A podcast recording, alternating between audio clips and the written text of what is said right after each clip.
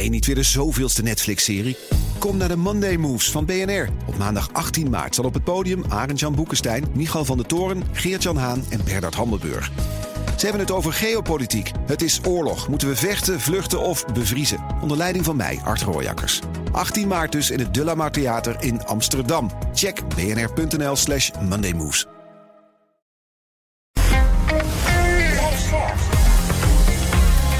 BNR Nieuwsradio. BNR breekt. Ivan Verrips. Goedemorgen en welkom. Vanaf half twaalf praat ik over het nieuws van de dag. Over de veestapel die aan het krimpen is. Althans, als je kijkt naar vorig jaar. Maar als je kijkt naar tien jaar geleden, toch weer niet. Moeten er rigoureuzere maatregelen komen. En we hebben het over verpakkingen. Want plastic flesjes in hotels eh, van shampootjes en lotions... die zullen verleden tijd zijn. Frans Timmermans heeft een soort oorlog verklaard aan verpakkingen. Gaan we het allemaal te- over hebben zometeen vanaf half twaalf. In mijn panel vandaag Jonathan Mol, voorzi- vicevoorzitter van het CDA. Goedemorgen. Goedemorgen. Fijn dat je er bent. En Pieter Lossi is onderweg. Die schuift zo meteen aan. Die was er trouwens gisteren ook al. Mocht je denken, huh, wat raar. Maar die was zo genereus om nog een keer te komen. Want we hadden een eh, ziekte. Dus een zieke panelist. Dus vandaar dat hij er zo meteen weer is. Ehm, maar we beginnen met. BNR breekt. Breekijzer. En dat breekijzer heeft te maken met duurzaam beleggen. Want dat klinkt allemaal leuk en aardig. Investeren in een betere wereld en steun groene initiatieven. Maar met al je goede bedoelingen word je als particuliere belegger toch vaak wel onbewust, of misschien wel bewust, een hak gezet. Uit onderzoek blijkt dat beleggingsadviseurs zonder enige aanleiding... en zonder dat je er wat aan hebt, een hogere prijs aan je doorberekenen.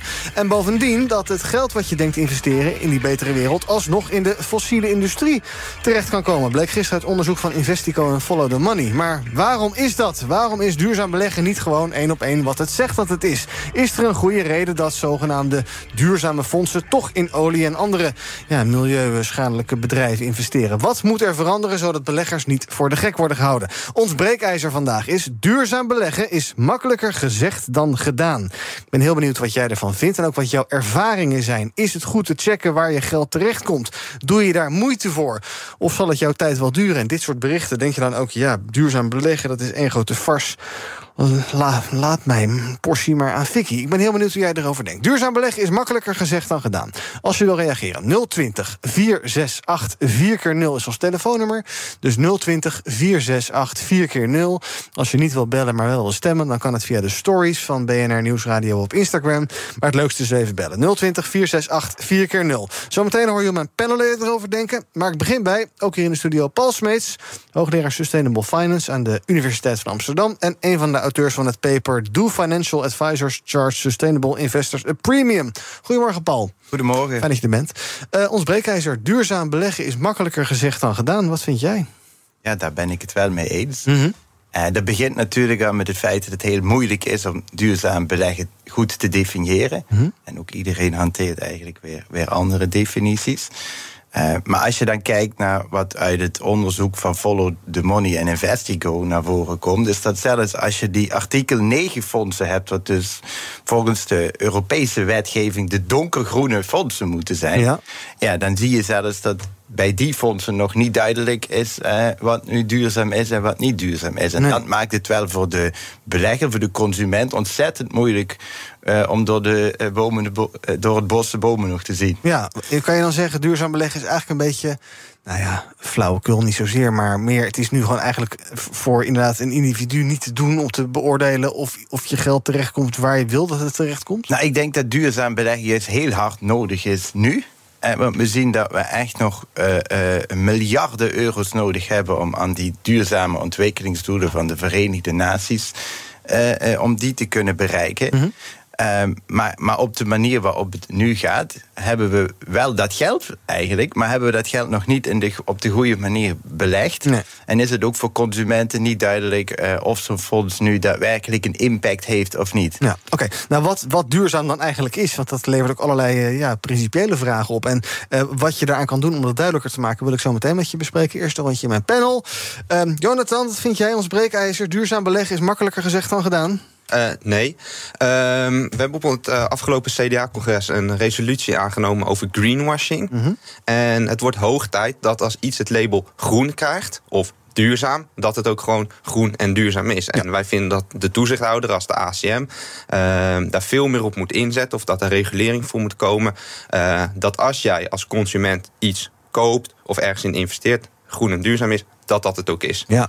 Dat daar misschien risico's aan zitten, omdat bijvoorbeeld duurzaam beleggen veel volatieler is, omdat die markt nog heel erg in ontwikkeling is, dan moet je daar mensen in meenemen. Dus als jij bijvoorbeeld uh, nu bij jouw bank een duurzaam beleggingsfonds gaat investeren en daar zitten meer risico's aan, dat die risico's worden meegegeven, uh, zodat je dat natuurlijk wel mee kan nemen. Want ja, uh, je zet je geld erop in, dus je moet wel uh, een afweging kunnen maken. Uh, maar groen moet groen zijn. En daar ja. moet er echt meer naartoe in deze maatschappij. Ja, dus eigenlijk ben je het wel met de stelling eens. Want de stelling is: het is makkelijker gezegd dan gedaan. Nu, op dit moment. Want gisteren blijkt Investico, je kan, uh, je kan denken dat je diep groen investeert. En dat blijkt dan toch naar allerlei ja, oliebedrijven te gaan. Luchtvaartsector. Ja, en dat moet dus heel anders. Pieter, Fijn ja. dat je er weer bent. We gaan eigenlijk een beetje door waar we gisteren gebleven waren. Ja, precies, maar toen kwam er nog meer onderzoek. Onder ja. andere dus van, uh, van Paul. Toen dachten we, ja, het is toch wel heel relevant om hier uh, eens wat langer over te praten. En daarom, duurzaam beleggen is makkelijker gezegd dan gedaan. Dat is uh, zeker makkelijker gezegd dan gedaan. Vooral omdat het eigenlijk meer werk vereist. Want als je puur rendement gaat beleggen, je heel veel standaard overstijgende brede aandelenpakketten fondsen kan, kan hebben. terwijl als je duurzaam, echt duurzaam wil beleggen, hm. dan wil je eigenlijk in niet uh, dergelijke brede uh, fondsen. Omdat die slechts groeien bij de gratie van economische groei. En we weten allemaal dat die economische groei op lange termijn ook destructief werkt voor het bereiken van een echt uh, duurzame wereld. Daarbij komt dus kijken dat het, dat het uh, meer werk vereist om echt die individuele aandelen uh, uit te kiezen. En dat tegelijkertijd heel veel grote fondsmanagers en banken echt flink winst maken op die duurzame beleggingsfondsen. waardoor het eigenlijk een soort de, drankjes uit de horeca worden. De, de, de middelen waar deze fondsen en banken echt op kunnen, op kunnen teren. -huh. Uh, en dat krijg je ook wel een beetje als het frame jarenlang is geweest, mede gepusht vanuit de VVD. Van ja, duurzaamheid is niet alleen iets wat we moeten doen voor toekomstige generaties. Een verdienmodel. Maar is een verdienmodel. Daar kunnen we ook uh, ja, veel economische kansen uithalen. En dus zie je dat er allerlei vermogensbeheerders en banken opspringen die zeggen: hé, hey, ik hoor daar verdienmodel, ik hoor daar uh, uh, geld en winst. Mm -hmm. dat vind ik interessant. Veel interessanter dan, dan werkelijke duurzaamheid. Dus laat ik dat frame inderdaad gebruiken om vanuit alle morele goedheid aan de voorkant heel veel winst aan de achterkant te maken. Hmm. Maar is, is, het, is het erg wat jou betreft dat je wat meer moeite wil doen als je geld, als je wil weten waar je geld terechtkomt? En als nee, je... totaal niet. Nee. Want vol, volgens mij is dat, dat een uh, morele verplichting uh, die we met z'n allen hebben. En we weten dat geld eigenlijk de drijver is van heel veel van de maatschappelijke ontwikkelingen. Mm -hmm. En dus dat je daar gedegen mee omgaat. En dat je nadenkt over waar je je geld neerzet. En, en dus erop let dat dingen echt duurzaam zijn. In plaats van dat je heel passief denkt: oh, ik zie ergens green in een, in een ja. uh, fondsnaam staan. Dus ja. dan zal het wel goed zijn. Ja, dat is gewoon pure luiheid. Paul, ik um, ben wel benieuwd hoe jij erover denkt. Ook als het gaat rendement versus duurzaamheid. Is dat iets wat tegenover elkaar staat? Of kan je inderdaad zeggen, het groen is een verdienmodel... en daar gaan we lekker rijk mee worden met z'n allen? Ja, nou, ik denk dat je twee dingen hier uit elkaar moet halen. Ik denk wel degelijk dat er bedrijven zijn die door in te zetten op duurzaamheid uh, uh, ook winst kunnen halen. Dus ik vind dat geen uh, tegenstelling mm-hmm. per se. Maar je hebt het verschil tussen de impact die een bedrijf maakt en de impact die jij als een belegger maakt. Want het wil niet zeggen dat als jij in een duurzaam bedrijf belegt, dat je daarmee ook een impact hebt. Mm-hmm. En, en dat is denk ik wat, wat vaak uh, misgaat. Um, want wanneer heb jij nu als een belegger een impact? Dat is dat als jij een bedrijf financiert dat duurzaam is, of duurzaam wil worden, want mm-hmm. dat is ook nog een, een, een belangrijke. Uh, en dat bedrijf zou zonder jouw investering niet aan het geld komen. Kijk, wat we zien bij groene obligaties bijvoorbeeld, die worden, daar wordt vier keer meer op ingeschreven dan er uiteindelijk geld nodig is. Dus als jij daarin belegt, ja, voor jou staan er nog 87 ja. beleggers in de rij. Maar als je kijkt bijvoorbeeld naar een, een boer in Kenia die zijn boerderij graag wil verduurzamen en wil opschalen, die krijgt vaak geen commerciële lening van mm-hmm. een bank. Ga jij nu via een impact-investering dat toch mogelijk maken voor die boer, dan creëer jij echt als investeerder ook impact. Ja, dus op, op zich uh, volg ik dat volledig. Je ziet alleen echter wel dat ook in die markten daar misbruik van wordt gemaakt. Doordat bijvoorbeeld fondsbeheerders van groene fondsen zeggen: ja, wij investeren juist in de, in de luchtvaartindustrie. Omdat wij uh, hebben gemerkt dat zij de afgelopen jaren doelstellingen voor zichzelf hebben geformuleerd. om in uh, broeikasgasuitstoot te gaan reduceren. Of Shell, want die wil ook of, naar of Shell, dus rijden. Wel ga je de huidige bestaande economische structuren proberen iets duurzamer te maken. Wetende dat bijvoorbeeld het gebruik van fossiele brandstoffen en materiaalgebruik elk jaar mondiaal nog steeds stijgt, terwijl we daar heel veel in zouden moeten afdwingen. Of eh, eh, zeg je, ja, we moeten eigenlijk alternatieve markten en eh, systeempartijen gaan, gaan optuigen en laten we daar dan vooral Nou, al ik het denk gat dat je beide nodig hebt. Ik denk dat je die innovatieve bedrijven nodig hebt. En die hebben ook investeringen nodig. Want vaak zie je dat de, de grootste vernieuwingen... die komen meestal niet van, van de grote bedrijven. Maar je hebt uiteindelijk wel ook zo'n partij als Shell nodig... omdat die gewoon de omvang hebben... en de infrastructuur ook al hebben... om dat soort nieuwe eh, technologieën grootschalig uit te gaan rollen. Eh, en daarmee zie je wel dat bijvoorbeeld Follow This... die hebben heel lang Shell onder druk gezet... samen met Ja. de Nederlandse pensioenindustrie. Nou, die hebben wel wat voor elkaar gekregen. Is dat dan genoeg? Ja, daar kun je over discussiëren. Maar ik denk wel dat je ook die grote partijen wel mee moet nemen in, in die transitie. Oké, dus het verhaal, je moet erin zitten om wat te bereiken. Daar zit wel wat in. Je kan, anders kan je zeggen, laat maar, laat maar gaan en we laten Ik, het ik de denk zelfs dat je meer impact hebt als je bruine bedrijven koopt en je gaat die onder druk zetten om die te proberen te vergroenen. Want het blijkt ook uit onderzoek dat als jij, eh, eh, dat noem je dan divestment, dus jij gaat eigenlijk de bedrijven verkopen die minder duurzaam zijn. Wat gebeurt nu? Hedgefondsen, en dat is goed wetenschappelijk gedocumenteerd, hedgefondsen die kopen eigenlijk jouw aandelen, maar die hedgefondsen die interesseert duurzaamheid geen drol. Dus vervolgens, wat gebeurt er? Jouw aandelen, en jij bent misschien als pensioenfonds wel nog eh, begaan met duurzaamheid, en jouw deelnemers ook. Nu koopt de groot hedgefonds jouw aandeel. Die boeit duurzaamheid helemaal niks. Daar zijn we niet echt mee geholpen. Eh, Jonathan, er roept dus ook een beetje de vraag op de, de, de meer... Jij zei ook net eh, groen en duurzaam. Wat is duurzaam dan eigenlijk? Is investeren in Shell, kan dat duurzaam zijn? Investeren in eh, kernenergie, is dat duurzaam? Ja. Investeren in elektrische auto's, is dat duurzaam? Ik, ja, nou zeg het maar. Kom Nou, maar. eigenlijk twee vragen. Eén, wat is duurzaam? Het komt bijna in de buurt van de discussie op 0% btw op groente en fruit. Valt pasta saus er ook onder? Ja. Er zal iemand een keer moeten gaan zeggen... het valt er wel of het valt er niet onder. Waar wij het ook eh, nog even hier vooraf eh, voor de uitzending hadden als eh, CDA... was bijvoorbeeld ook het idee van transitiefondsen. Want ik ben het met de hoogleraar eens van... soms zijn de bedrijven... het is veel efficiënter om die te verduurzamen... Maar wil ik ook wel bij Pieter aanhaken, ook bij mijn eerste punt. Dan moet ook wel daadwerkelijk de investering in die eh, eh, verduurzaming gaan zitten bij dat bedrijf. Dus bijvoorbeeld als je Shell noemt in die New Energy tak. Eh, want als we nu Shell in een transitiefonds stoppen en het geld maar gewoon overmaken. En hartstikke nobel als Shell over 30 jaar nog steeds net zo groot is en heel duurzaam is. Maar we hebben de afgelopen jaren gezien dat dat net iets te weinig is waargemaakt door dat soort type bedrijven. Maar dat we wel zijn, ja, laat, laat duurzaam echt duurzaam zijn. Maak daar goede afspraken over wat het is. Zet daar misschien een transitiefonds tussen, waar misschien ook de rendementsrisico's wat, wat minder zijn, maar waarbij je wel investeert in een betere wereld van morgen en die bedrijven in de economie meeneemt. Eh, ja, en hopelijk worden ook door dit soort beprijzingsmechanismen echt eh, niet duurzame bedrijven op een gegeven moment ook gewoon onaantrekkelijk. Eh, Paul, even naar jouw onderzoek. Eh, beleggingsadviseurs die, die eh, berekenen particuliere klanten die duurzaam willen beleggen, dus meer geld. Ja, dus wat je eigenlijk zag, de wetgever die maakte zich daar al lang zorgen over, Ja. maar daar was geen bewijs voor.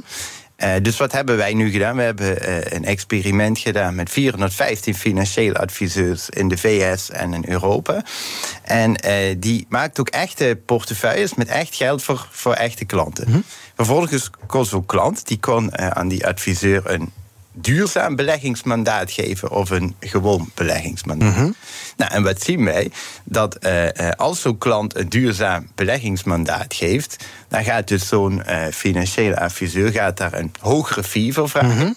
Maar het mooie was, wij konden in ons experiment dus precies zien hoeveel tijd zo'n adviseur investeerde. Zelfs hoe vaak die klikte op de, op de informatie die wij hadden. Ja. Nou, en wat zien we dan? Dat eigenlijk eh, eh, zo'n adviseur dezelfde of zelfs vaak minder tijd besteedt aan een duurzame klant, maar dus wel een hogere fee vraagt. Maar is dat eh, onwil? Is dat onkunde? Is dat denken, we gaan eens lekker van die eh, naïeve duurzame mensen profiteren? Wat zit erachter, denk nou, je? Ja, dus kijk wat we dan zien als we eh, in ons tweede experiment hebben we ook de financiële geletterdheid van die klant eh, meegegeven. Nou, en, en we zien dan als die adviseur ziet dat die financiële klant lage geletterdheid heeft, dan wordt die fee nog hoger. En, pas op, en op het moment dat die adviseur ziet van hé, hey, die klant die weet eigenlijk wel heel veel over beleggen, dan hoeft die duurzame klant opeens niet meer te betalen. Je wordt genaaid waar je bij staat. Dat suggereert. Ja, dat in is ieder geval wel. Zijn mijn, nou, eh, Jonathan, dan kan je mooi uh, dingen aannemen op het congres. Maar er moet heel wat gebeuren nog dus. Ja, ja, ja maar dat, uh, dat is een, een, mooie opgave, denk ik ook. Uh -huh. En daarom is het denk ik ook goed dat we het in zo'n setting... ook bijvoorbeeld met een hoogleraar... zo'n resolutie wordt aangenomen op het congres... daar moet ook de Kamerfractie mee aan de slag. Ik zou ja. zeggen, nodig de hoogleraar eens een keer uit bij ons op de fractie... om te gaan kijken hoe kunnen we het nou ook daadwerkelijk dan omzetten in beleid. En of we dit soort excess ook kunnen reguleren. Want het is natuurlijk van de zotte dat als men erachter komt... dat je financiële geletterdheid wat minder is... Uh, dat er dan misbruik van wordt gemaakt. Eerder deze maand heeft minister Kaag nog gezegd... dat de financiële sector, dat, daar de sleutel ligt... eigenlijk ook bij de aanpak van klimaatverandering... door allerlei keuzes te maken voor groene en duurzame initiatieven. Wat zegt het jou, Pieter, dat er ja, ik zeg maar gewoon misbruik gemaakt wordt... van mensen die uh, nou, misschien er wat minder van weten... die dus advies ergens gaan inwinnen...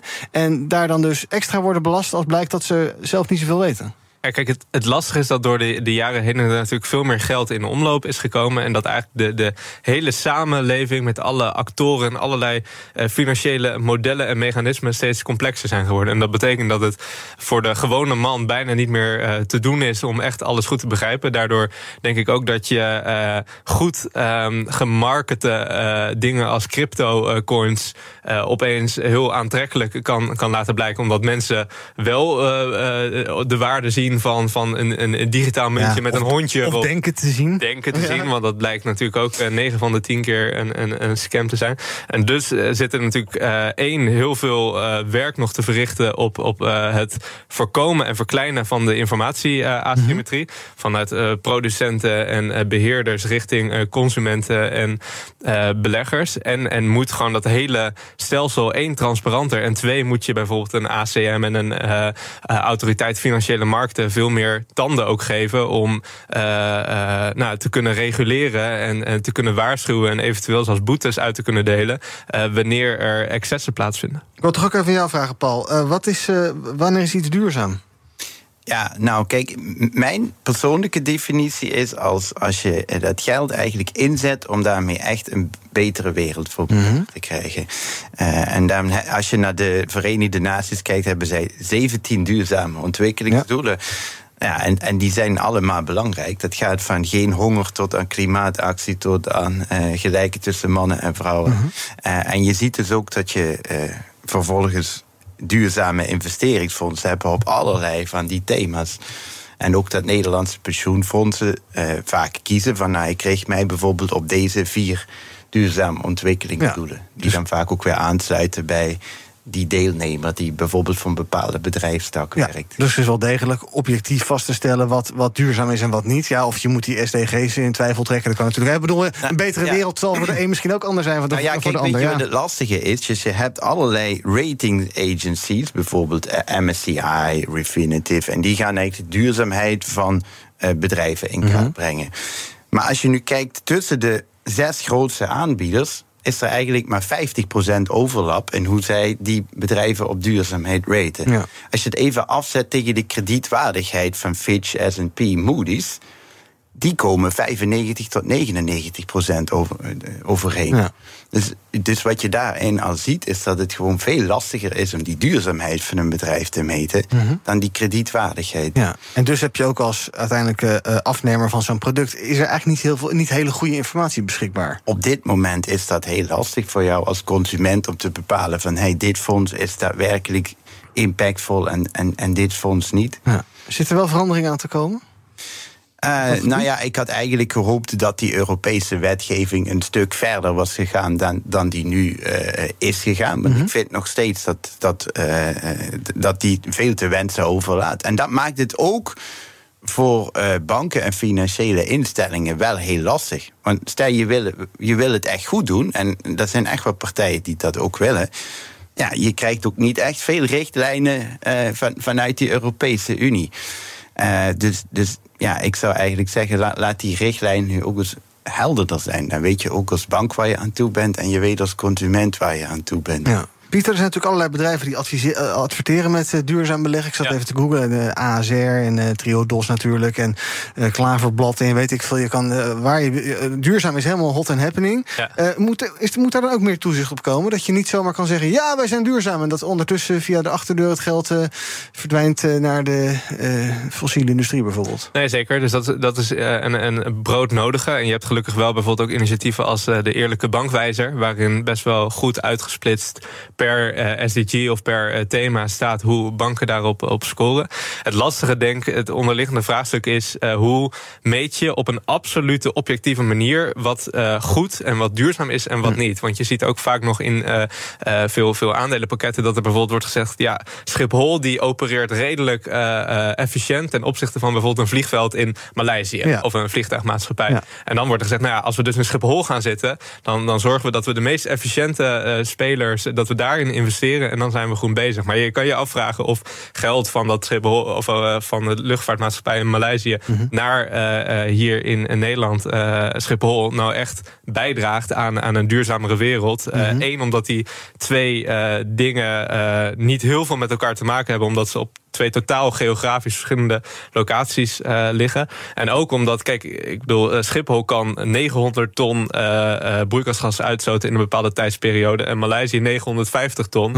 Eh, dat maakt nog niet dat in absolute zin Sch- Schiphol goed bezig is om broeikasgasuitstoot te reduceren. Ja. Waarbij dan ook nog komt kijken, laatste ding, dat heel veel andere zaken, zoals biodiversiteitsverlies en, en materiaalgebruik, de, de negen planetaire grenzen zoals we die kennen, heel lastig soms ook te, te duiden en te meten zijn. Waardoor het eigenlijk ook voor heel veel fondsen eh, niet mogelijk is om dat echt goed te doen. En ze daardoor ook gewoon gebruik maken van die ja, eh, grote vraagtekens. Ja, het is misschien niet helemaal eerlijk om Maleisië met Nederland te vergelijken als het gaat om welvaart Nee, en dat dergelijke. ook. Dus, ja, Klopt. Oké. Ehm, eh, Jonathan, ik, ik noemde net eventjes in een tussenzin, maar ik ben nog steeds wel benieuwd. Investeren in kernenergie, is dat duurzaam? Wat Ja. jou betreft? Investeren in elektrische auto's, in die hele in, in Tesla? Ja. Oké. ehm, en, maar goed, elektrische auto's, daar worden veel grondstoffen voor gebruikt, zeldzame metalen en dergelijke. Kernenergie vinden mensen ook maar spannend en eng. Ja. Ja, ehm, om die, die elektrische auto en die grondstoffenmaterialen... wat we denken, bat, batterijen gaan een hele belangrijke rol vervullen in de toekomst. Dus de grondstoffen die we daarvoor gebruiken... en überhaupt die hele supply chain van, van batterijen... die is echt om je voor kapot te schamen. Dus de IMVO-maatregelen, et cetera, zijn heel hard nodig.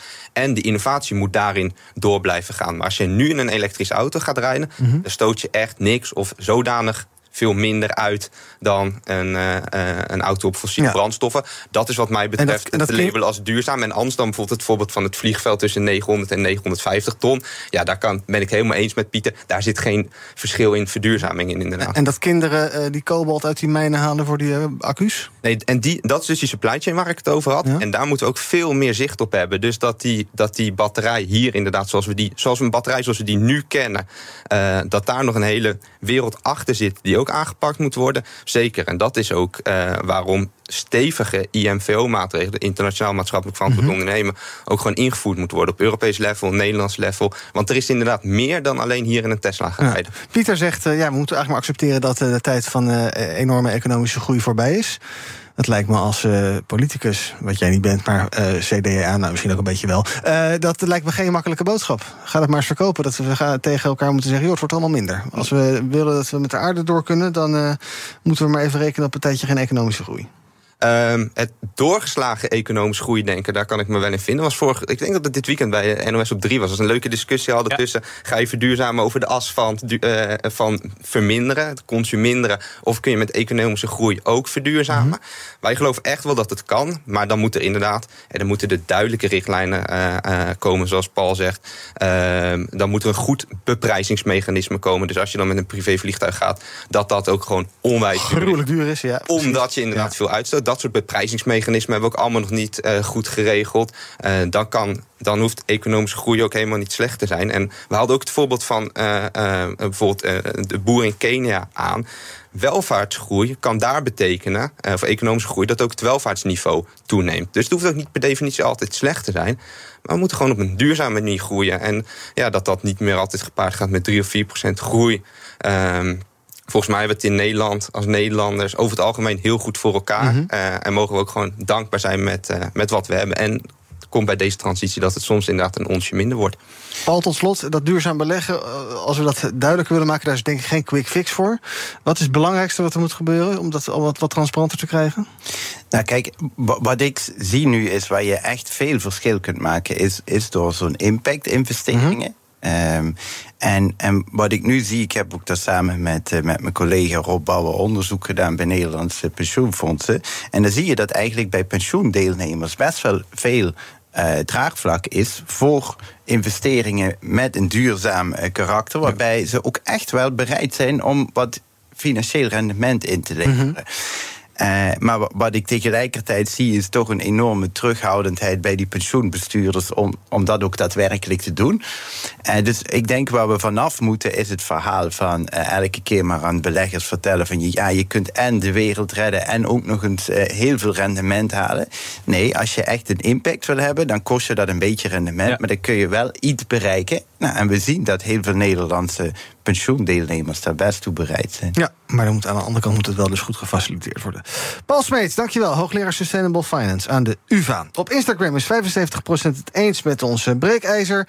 Vandaag duurzaam beleggen is makkelijker gezegd dan gedaan. Daar kan je nog de hele dag reageren. Op de radio ga ik zo meteen verder praten met Pieter en Jonathan over het nieuws van de dag. Over uh, afval. Frans Timmermans die heeft een soort uh, ja, uh, war on verpakkingsmaterialen begonnen. En we hebben het over de veestapel die, als je kijkt met vergelijk met de afgelopen tien jaar, iets is toegenomen. En dat ondanks allerlei stikstofuitdagingen en gezondheidsrisico's. Nou, wat moeten we gaan doen? Uh, gaan we zo meteen bespreken. In het tweede deel van BNR Breek. Tot zo. Het Eneco Klimaatreport van deze week komt uit Amsterdam. Ik ben Pascal en ik sta hier met de oprichter van Wikkelhuis op de werkplaats. Op, wat zie ik hier? Ja, je ziet allemaal huisjes. En welke rol speelt energie-efficiëntie in jullie ontwerp- en bouwproces? We bouwen alleen maar met hernieuwbare materialen. Maar het leukste is dat we eigenlijk uh, zonne-energie gebruiken voor onze elektriciteit. We hebben duizend zonnepanelen op ons dak van de werkplaats. Duizend zonnepanelen, dat zijn er een hoop. Ik kan me voorstellen dat er veel stroom vanaf komt. Ja, er komt een enorme bak met stroom uit. En soms in de zomer is dat ook te veel. En daarom werken we samen met uh, Eneco, met het uh, opwek optimaal systeem. En wat doet dat systeem? Een soort dimmer. Dat als er te veel stroom is, dat je dat zeg maar wat terug reguleert, zodat er geen netcongestie ontstaat. Want dan zou alles vastlopen. Uh, juist de balans op het energienetwerk. Ja, precies. En zo werkt Wikkelhuis samen met Eneco aan klimaatambities. Is het ook iets voor jouw bedrijf? Check dan eneco.nl slash klimaatambities. Je hebt aardig wat vermogen opgebouwd. En daar zit je dan, met je ton op de bank. Wel een beetje saai, hè? Wil jij, als belegger, onderdeel zijn van het verleden of van de toekomst? Bridgefund is een slimme fintech die een brug slaat tussen de financiële behoeften van ondernemers en van beleggers. Dus wie belegt bij Bridgefund krijgt niet alleen een mooie vaste rente, maar brengt ook ondernemers in beweging. Echt waar. Met die ton kan je zoveel betere dingen doen. Bridgefund. Make money smile.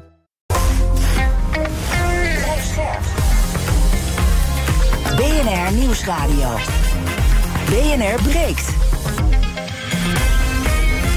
Ivan Verrips. Welkom terug bij BNR Breekt. In mijn panel vandaag Jonathan Mol, vicevoorzitter van het CDJA... en Pieter Lossi, adviseur van de VO-raad. En we gaan praten over het nieuws van de dag.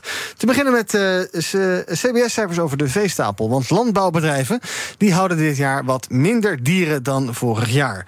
Um, als je dan kijkt naar de cijfers, dan uh, telt het CBS zo'n 114 miljoen dieren. Runderen, kippen, schapen, varkens en melkgeiten. En in 2021 was dat nog 116 miljoen. Nou, ietsje minder dus, oké. Maar altijd nog meer dan bijvoorbeeld 10 jaar geleden. Um, ja, een kleine krimp ten opzichte van vorig jaar, maar een kleine groei ten opzichte van 10 jaar geleden. Um, terwijl ik dacht toch, en dat is een oproep die je breed ziet, ja, we moeten toch anders met die, met die veestapel omgaan, Pieter. Maar dat lukt nog niet zo lekker. Nee, dat klopt. En vooral omdat echt, uh, echt um, daadkrachtige keuzes uitblijven.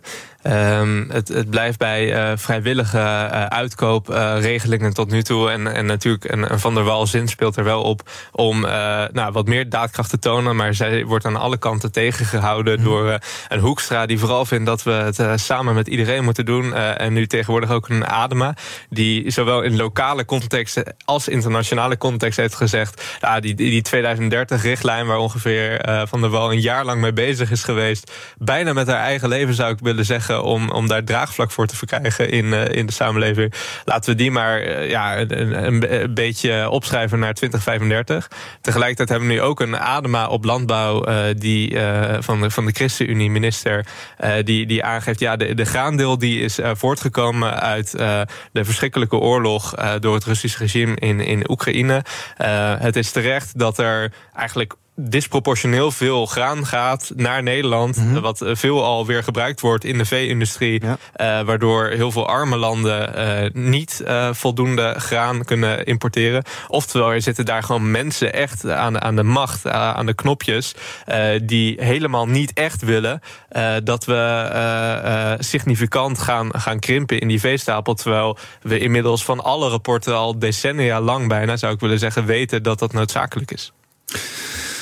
Jonathan, zeg het is. D66 zegt halveren. De realiteit is uh, nou eigenlijk een beetje ongelijk, vergelijkblijvend. Waar, waar staat het CDA? Nou, ik ben blij dat het nu eindelijk een jaar krimpt. Want mm -hmm. krimp is gewoon nodig om de doelstellingen te gaan halen. Uh, je leidt ook in van eh, de afgelopen tien jaar hebben we nog uh, groei gezien. Er is eigenlijk weinig van ten opzichte van tien jaar geleden. We hebben ook heel lang gezien dat er best wel een pervers businessmodel was in de landbouw. Ook heel erg gestimuleerd door de banken en de supermarkten om maar te groeien. En het moest maar goedkoper en weer groeien en weer goedkoper.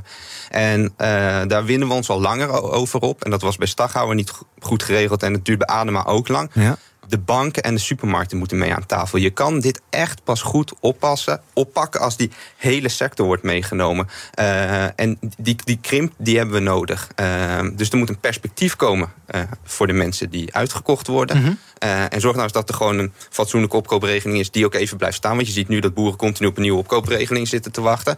Of zorg dat er een perspectief is om te verplaatsen. dat, is, dat is gefocust op die piekbelasters. Neem die sector mee om gewoon anders met producten om te gaan.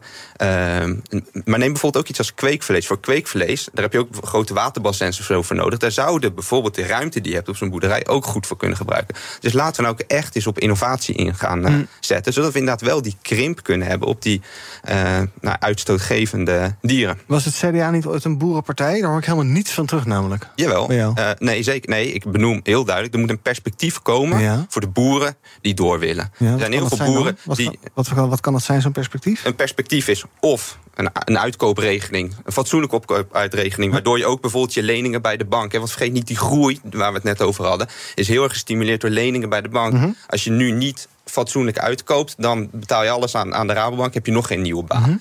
Een baan kan in de landbouwsector zijn, kan buiten de landbouwsector, moet gewoon een goed uh, plan voorkomen. Wil je verder met boeren, dan uh, moeten we gewoon gaan kijken waar in het land, waar verder weg van die natuurgebieden zit, uh, je nog verder kan boeren. Want sommigen zijn opgeleid tot boer, sommigen willen heel graag boer blijven. Mm -hmm. dus, dus zeker voor degenen die door willen een goed perspectief. Maar inderdaad wel binnen de. En ben ik met Pieter eens. We hebben nu doelstellingen die we willen gaan halen. Uh, daar hebben we als CDA ook onze handtekeningen onder gezet in het, uh, in het regeerakkoord. Ja. Dus ik zou zeggen, ga met dat perspectief aan de slag. Maak dat brede landbouwakkoord. En uh, nou, hopelijk wordt de daling die we nu zien verder ingezet. Het aantal, het aantal bedrijven neemt wel af. Ja, um, zeker. Maar dat, dat hebben we gezien. Dat is de, de schaalvergroting. Ja. Ik bedoel, we weten afgelopen jaren dat, dat uh, elke week ongeveer tien boerenbedrijven hebben, hebben moeten stoppen. En, en uh, ik vind het oprecht de, de koers die uh, Jonathan schetst heel mooi en, en nobel. Maar als je weer gaat inzetten op, ja, we kunnen kijken of we materiële en, en misschien ook juridische innovaties kunnen krijgen. We weten gewoon waar dat toe heeft geleid. En dat dat nou ja, niet voor die bestaanszekerheid voor boeren heeft gezorgd. Als je tegelijkertijd ook ook zegt, uh, al die boeren die door willen, die moeten ook door kunnen. En daar moeten we uh, perspectief voor willen ge geven. Ik steun dat ontzettend, want ik zeg niet minder boeren, maar minder dieren. Maar mm -hmm. dat betekent wel dat je die markt ook echt zou moeten, misschien bijna kapot uh, reguleren. Omdat volgens die huidige marktprincipes het feit dat al die boeren door kunnen en je wil stikstof halen en je wil andere sociale doelen behalen, dat, dat kan gewoon niet allemaal met elkaar. Dus dan kun je alsnog zo lief gaan praten met, met banken en allerlei organisaties. Maar dan moet je op een gegeven moment ook zeggen: jongens, we gaan dingen anders doen. En het spijt me, lieve bank, maar dat betekent dat, dat je een keer minder rendement uh, gaat hebben komende jaren. En je zou ook vanuit Europese Unie-verband iets willen doen aan het concurrentievoordeel. dat nu door de veehouderij wordt, wordt gehaald. Dus als je inderdaad werkelijk in kweekvlees en plantaardige alternatieven. dan moet je zeggen: ja, eigenlijk al die miljarden die nu naar de, de, de vee-industrie gaan. bijna de, de helft van alle gelden in de Europese Unie. misschien moeten we dat wat gaan afschalen. Of moeten we kijken hoe we complementair daaraan ook allerlei alternatieve uh, voedingsmiddelen uh, ook die investering kunnen mm Maar het harde verhaal is dus ook: er zullen boeren zijn die nu boeren, die willen niet stoppen, maar die moeten wel gewoon stoppen.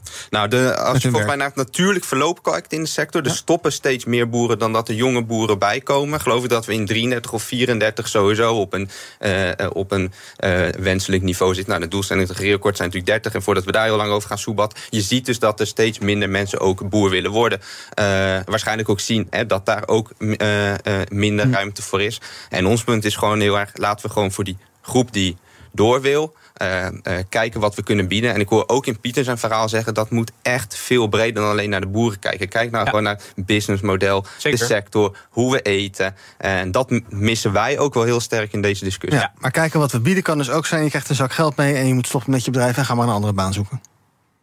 Dat kan. Ja, gedwongen. En nou, uh, nou bij voorkeur niet gedwongen. Nee, bij voorkeur niet. Uh, dat kan wel uh, maar, maar neem, neem, mensen mee. Kijk, we hebben, we hebben nu ook gezien, en dat, dat kwam ook natuurlijk met de situatie Remkes naar voren. Als je iets meer empathie toont, iets meer naast de mensen gaat staan, iets meer ook met de boeren over perspectief praat, of andere sectoren die onder druk staan, dan dat er over wordt gepraat. Sowieso een vrij groot probleem natuurlijk ook wel tussen, tussen regio en Den Haag. Je ziet het over meer assen terugkomen. Dan zijn mensen echt wel welwillend en kunnen we echt wel aan een, aan een alternatief werken. Maar het loopt toch vaak mank op dat soort dingen. Je hebt aardig wat vermogen opgebouwd. En daar zit je dan, met je ton op de bank. Wel een beetje saai, hè? Wil jij, als belegger, onderdeel zijn van het verleden of van de toekomst? Bridgefund is een slimme fintech die een brug slaat tussen de financiële behoeften van ondernemers en van beleggers. Dus wie belegt bij Bridgefund krijgt niet alleen een mooie vaste rente, maar brengt ook ondernemers in beweging. Echt waar. Met die ton kan je zoveel betere dingen doen. Bridge Fund. Make money smile. De toekomst roept. Minder CO2. Lies je mee? Dit is het moment om te kiezen voor de Tesla Model 3, Toyota Pro-Ace Electric of Volkswagen ID3. Uitstoot verminderen doe je samen met mobilityservice.nl. Beter? BNR. ik ben nu al benieuwd naar morgen. Ik denk niet dat je dit gaat overtreffen. Zometeen luisteren dus. Uh, ander nieuws van vandaag gaat over uh, ja, de oorlog aan die verklaard is tegenover uh, verpakkingen. Ehm, bijvoorbeeld, de Europese Commissie komt vandaag met ja, allerlei regels om duurzame en ook vooral minder verpakkingen in de groeiende afvalstroom te hebben. En dan kan je dus verwachten dat uiteindelijk van die plastic kleine flesjes met shampoos en bodylotions in hotels dat die worden verboden. Dat stickers op fruit afbreekbaar moeten zijn. Dat online bestelde producten efficiënter verpakt moeten worden koffiecapsules die moeten afbreekbaar zijn. Ik geloof dat er zelfs een moment aankomt dat dit soort van die, van die, van die papieren koffiebekertjes, waar ik me elke dag aan bezondig, aan veel te veel. ik denk dat dit bedrijf veel meer winst zou maken als ik die koffiebekertjes weg zou doen. Uh, dat die ook uh, uiteindelijk allemaal weggaan. Uh, dat is een voorstel van de Eurocommissaris Timmermans. Die gaat over de Green Deal. En Virginius Sinkevicius, dat het gaat over milieu. Het is een Litouwer die presenteert die plannen vandaag. Ja, je krijgt bijna het idee dat uh, Jonathan dat nergens binnenkort meer een verpakking omheen mag zitten. En dat we verpakkingen moeten verbannen. Ja, Heel goed. goed je ziet ook verpakkingsvrije supermarkten ja. opkomen. Ik was uh, vorige week hier uh, op het havenbedrijf uh, in, in Amsterdam. En daar hebben ze een innovation hub. En daar recyclen ze die kleine flesjes uit die hotels. Mm -hmm. Als je ziet hoeveel mensen die voor de helft gebruiken... Ja. niet mee naar huis nemen. en nou ja, gelukkig is er dan nu zo'n zo'n zo'n partij... die hier op het haventerrein in Amsterdam dat probeert te recyclen. Maar het is zo ongelooflijk zonde. En als je daarbij dan ziet dat misschien wel de bekendste Nederlander... in het buitenland Boy en Slat is... omdat die plastic uit de oceaan uh, opvangt. Mm -hmm. Wat ongelooflijk goed is. Maar ja, we moeten, dat moet echt veranderen. Dus wat ons betreft echt een no-brainer dat. Uh, of geen verpakking, ja. of een afbreekbare verpakking. Oké, okay, maar dus wat jou betreft een mini-verpakkingje met shampoo... want dat kan, ik kan me situaties bedenken waarin het handig kan zijn. Ja, maar je ziet ook heel vaak bij, bij hotels tegenwoordig gewoon van Ja, die wat grotere, knijpflessen. van die grotere knijpflessen. Ja, daar komt ook gewoon eh, shampoo uit. Eh, ik snap niet waarom dat dan eh, in, in een super fancy geurtje van een, eh, een, een, fancy merk moet. En eh, kijk, als we nou keuzes maken, daar hadden we natuurlijk vorige blok ook over. Mhm. Eh, eh, duurzaamheid komt uiteindelijk ook met ook gewoon een stukje gedragsverandering. Ja, daar hoort misschien geen klein flesje shampoo meer bij in het hotel. Ik zie je altijd met je dopper rondlopen. ja, zeker. Dat is bewust, denk ik. Of ook Ja. niet helemaal. Ja, eh, Ja, nee, dat is zeker bewust. Ja. Nee, ja, kijk, we leven natuurlijk Heb in een... koffiebeker nu? Nee, zeker niet. Nee, nee, Koffiebeker? Nee, ook niet. Oh, ik ben de enige. Ja, oké. Ah, dan neem ik jullie, dan neem ik jullie koffiebekerrechten koop ik Ge- gecanceld. eh, iemand. We leven natuurlijk in een ontzettend eh, lineaire economie. Eh, en als je gaat kijken inderdaad naar, naar eh, bijvoorbeeld plastic bekertjes... dan betekent dat dat eh, er grondstoffen uit de grond eh, gewonnen moeten worden. Allerlei oliesoorten. Er vervolgens allerlei eh, inkttroep eh, eh, ontgonnen moet worden... vanuit allerlei plekken om eh, inderdaad via marketing... eh, een, een leuk verpakkingje te maken... wat we misschien één tot... 60 minuten max eh, gebruiken voor het drinken van, van, van onze consumptie en dan weer weggooien. Eh, en, en dan is nog maar de vraag of het eh, inderdaad gerecycled wordt. Wat, wat vaak ook niet kan, omdat heel veel verschillende grondstoffen door elkaar zitten. Of dat het op een grote afvalberg terechtkomt. Als je weet dat we in Nederland per persoon gemiddeld 3,6 aardes gebruiken. Dat we eh, de planetaire grens qua materiaalgebruik al lang over zijn. Ja, da- da- dan moet je gewoon heel snel gaan werken aan een circulaire economie. En, en veel van de verpakkingen zoals we die nu gebruiken, die, die dragen alleen maar bij aan de, aan de lineaire economie waar we Ja. vanaf moeten. Wat mij betreft stopt dit bedrijf trouwens morgen met die bekertjes. En dan zet je gewoon mokken neer. En dan dwing je ook mensen ertoe. In plaats van dat je zegt van nou, wacht op Europese regelgeving en de la la la. Nou, dat is wel, wel een goed punt. Dus, dus ook, ook, werkgevers hebben hier wel een verantwoordelijkheid in. Als je, ja. Ja. Oh, punt gemaakt? Nee, ja, ik dacht, ik, ik ga BNR. Ga je, ga je herhaling vallen en de planetaire Ja, grenzen? Ja, Ja, dat. We gaan even kijken naar wat jullie zelfs opgevallen in het nieuws. Jonathan, je wil het hebben over eerste generatie studenten. Dat zijn eh, eh, kinderen van ouders die voor het eerst gaan studeren. En hun ouders hebben dat dan niet gedaan. Daar is iets mee aan de hand. Ja, die hebben het heel veel lastiger als ze eenmaal gaan studeren. En ik schrok er eigenlijk wel van in hoeveel aspecten dat, eh, dat naar voren kwam. Eh, wat denk ik wel breed bekend is dat ehm, ehm, studenten die uit een eh, milieu komen waar niet iedereen heeft gestudeerd, of zij dus de eerste generatie zijn die gaan studeren, vaak ook een financieel minder gefortuneerde familie is. Eh, dus dat zij meer moeten werken bijvoorbeeld. Dan is het, vinden wij al helemaal eh, schandalig dat in deze tijd van bijvoorbeeld energiecompensatie, waar honderden euro's aan alles en iedereen wordt uitgedeeld, studenten eh, niet eens gecompenseerd worden. Want zeker ook in zo'n specifieke categorie wordt dat echt gevoeld. Daar heb je dus geen ouders die bij kunnen springen. Dan moet je dus extra bij gaan lenen. Nou, met alle, alle risico's en ook weer lasten voor later. Want dit weegt door die daarbij komen. Het tweede wat me eh, dus opviel, naast dat ze dus financieel best wel lastig hebben, is dat ze zich vaak ook wel onwennig voelen. En dan denk ik dat ik het nog netjes verwoord. Omdat als je ouders hebben meegekeken welke studievereniging je gaat doen, waar je gaat wonen, misschien ook wel het appartement voor je hebben gekocht, allemaal tips geven uit hun studentenleven. Zie je misschien op te wachten hoor dat je ouders dat zeggen, maar onbewust krijg je toch een hoop mee. Dat studenten die dat niet hebben, dat die vaak een gevoel hebben van dat ze echt in een andere wereld belanden, heel moeilijk op hun plek zijn. Dat kan wel 1, 2, 3 jaar duren. En in het NRC-artikel van vanmorgen zegt een student ook pas toen we over inclusiviteit werd gesproken in het derde jaar. Toen voelde ik me pas thuis op de universiteit. En toen dacht ik, oh, dit is wel, hier ligt echt een rol voor. Nou, bijvoorbeeld politieke jongerenorganisaties. Om, eh, om dit verder aan te kaarten. Want dat is natuurlijk, eh, dat moet, er moet gewoon een veilige en comfortabele omgeving zijn. Ja, er zijn geloof ik ook universiteiten die eh, eerste generatie studenten extra begeleiden. En daar aparte klasjes voor hebben en dergelijke. Goed idee? Ja, heel goed. Dat je die mensen wat extra aandacht geeft en extra helpt op weg helpt. Ja, zeker van, als je eh, weet dat daar gewoon risico's liggen. Dan uh, heel fantastisch dat die instellingen dat oppakken. Pieter, jij wil het hebben over een uh, advies van de Gezondheidsraad vanochtend. kwam ja. rond een uur of tien. Het gaat over het uh, geluid in discotheken, in concertzalen, in festivals. Dat moet echt omlaag. Ja, zeker. Uh, en ik steun dat uh, advies. Ik was uh, afgelopen zondag bij een concert hier in Ziggo Dome van Nightwish, metalband. Ja. en ik had oordopjes mee, maar elke keer dat ik ze uitdeed, het was echt, echt, echt werkelijk gewoon ondraaglijk. Mhm. Mm -hmm. En dat blijkt ook gewoon uit de landelijke cijfers, waarin jongeren steeds vaker aangeven bijvoorbeeld last te hebben van oorsuizen. en een meerderheid van de jongeren inmiddels kans loopt op risico loopt op echt goede gehoorschade. en zelf als ik verkouden ben, dan heb ik ook altijd last van oorsuis. En dan kan je vertellen dat dat echt geen uh, pretje is. Mhm. Dat ook doofheid en andere gehoorklachten echt uh, nou, afdoen aan een stukje levenskwaliteit van mensen. Terwijl het eigenlijk vrij makkelijk te voorkomen is. Het is namelijk nu zo dat in een convenant vanuit de, de politiek richting bijvoorbeeld allerlei concertpartijen is afgesproken 103 decibel voor max een kwartier. Dat is het maximum. Ja. het lastige is alleen dus dat het een convenant is. dus dat het ook niet gehandhaafd kan worden. En een hele belangrijke bron van veel te veel geluidsoverlast is de horeca. En die hebben gezegd, lieve vrienden, wij hebben helemaal geen behoefte aan zo'n convenant. Wij tekenen niet. En nu is een minister, uh, minister van Ooyen van de ChristenUnie, staatssecretaris moet ik zeggen, uh, die uh, vindt dat jammer. En die is geïrriteerd om hm. het feit dat de horeca niet wil meetekenen. Dus ik zou deze minister vooral willen oproepen, deze staatssecretaris. Je hebt allerlei middelen uh, tot je macht om te dwingen dat het maximum decibel percentage op, op 100 komt te liggen. Dat is in lijn met internationale afspraken. Dat reduceert het risico op gehoorschade. Ga daar nou werk van maken. Um, metal band trouwens?